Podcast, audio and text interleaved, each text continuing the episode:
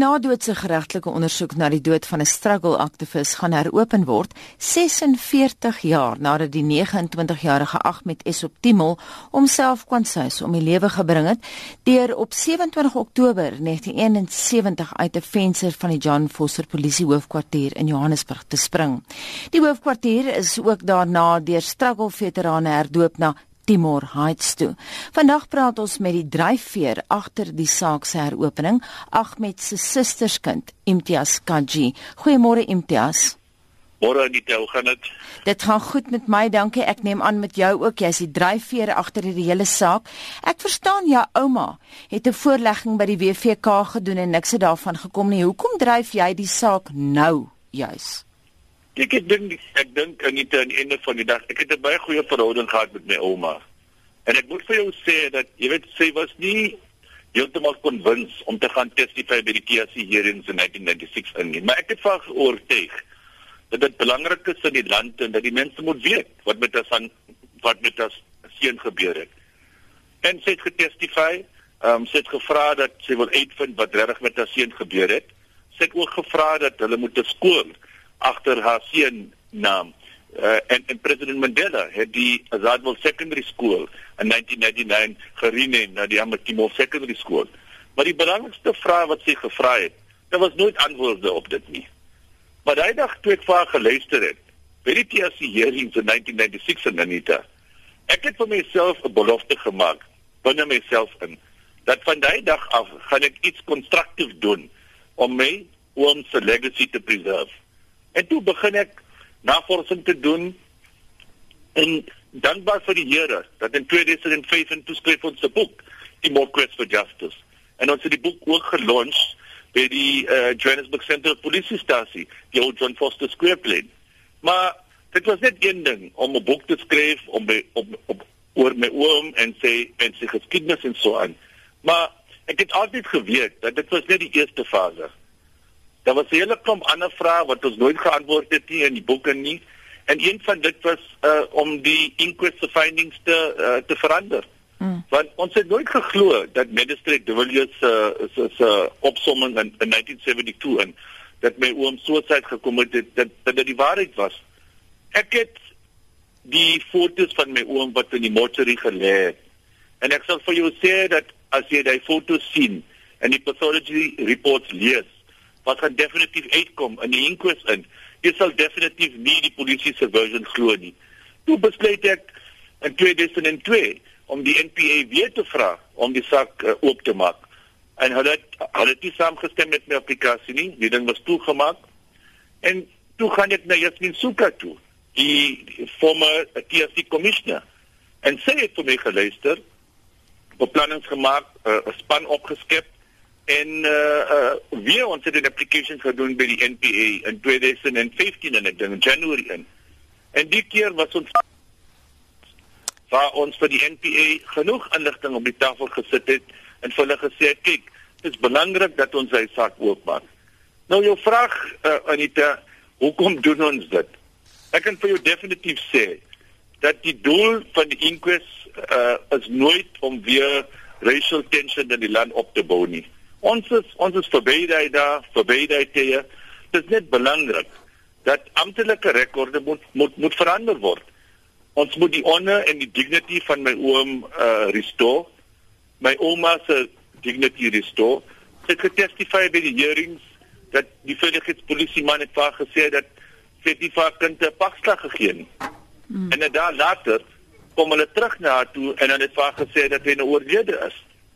En so dit en en wanneer sê dit uh, uh gedeel het in die inquest toe sê die mense het vaar dat jy weet uh, sê leens gepraat. So dit is belangrik dat 46 jaar later uh ons kom terug en ons verander die uh, inquest findings want dit is ons ons history ons geskiedenis.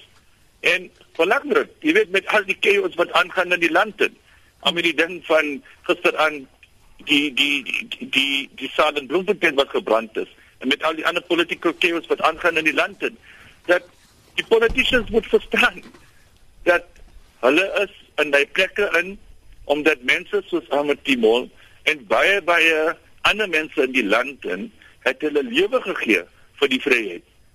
En hulle moet besluite maak dat wanneer hulle politieke besluite maak, hulle moet dit onthou en altyd erken. Net uh, terug na jou oom se arrestasie in Oktober 71, dit was by 'n padblokkade in Coronationville.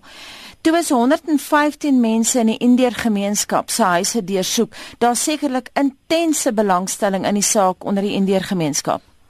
Ja, definitief. En jy jy moet verstaan dat dit was net nie net in die Indiese gemeenskap nie. Gewone Suid-Afrikaners het uitgekom en my my oom se dood gekondem. Die opposition parties soos die United Party het dit gekondem. Die religious uh, leaders, studente by Wits, nie net in, nie net locally, locally nie, but internationally. So there was a overwhelming condemnation van die manier hoe my oom dood is in in in, in polisie custody in. En jy weet, daar was soveel blanke mense wat nie eens polit, uh, wat uh, wat na political party affiliated was, het uitgekom. Hulle het briewe geskryf in die koerante in en hulle het my ouma en oupa gesupport. So dit was nie 'n ding dat net een gemeenskap, jy weet wat wat iemand verloor het gewone Suid-Afrikaners van elke nasie het uitgekom en my oom se dood gekondem. Maar nou is daar 'n goeie ding wat hier uitgekom het. Jy het nou vriende gemaak met van die Afrikaners wat destyds betrokke was by die saak, maar wat jou nou help. Ja, kyk nie reg mense wat direk betrokke was in die saak nie, want die meeste van die mense wat betrokke was in die saak is oorlede. En anders wat inligting het, wil nie regtig vorentoe kom nie. Maar dis ander vriende van my wat later in die security gemeenskap gewerk het. Nie net goeie vriende is van my nie. Hulle support my. Hmm.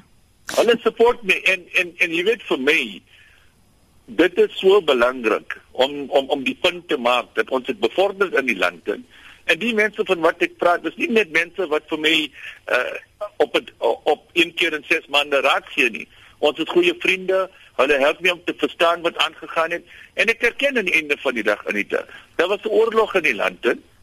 My oom was een van die casualties, maar hulle verstaan hoe belangrik dit is vir my om om om die waarheid uit te kry. En ons doel is nooit om mense te, te prostitute nie wat 80, 90 jaar oud is om om om daai ouderdom hulle moet hulle moet gestraf word en uh en uh uh tronk toe gestuur word, maar om die waarheid te kry en en om te wys dat as as as 'n land ons dit bevorder en ons ons moet nou saamwerk om die land te bou.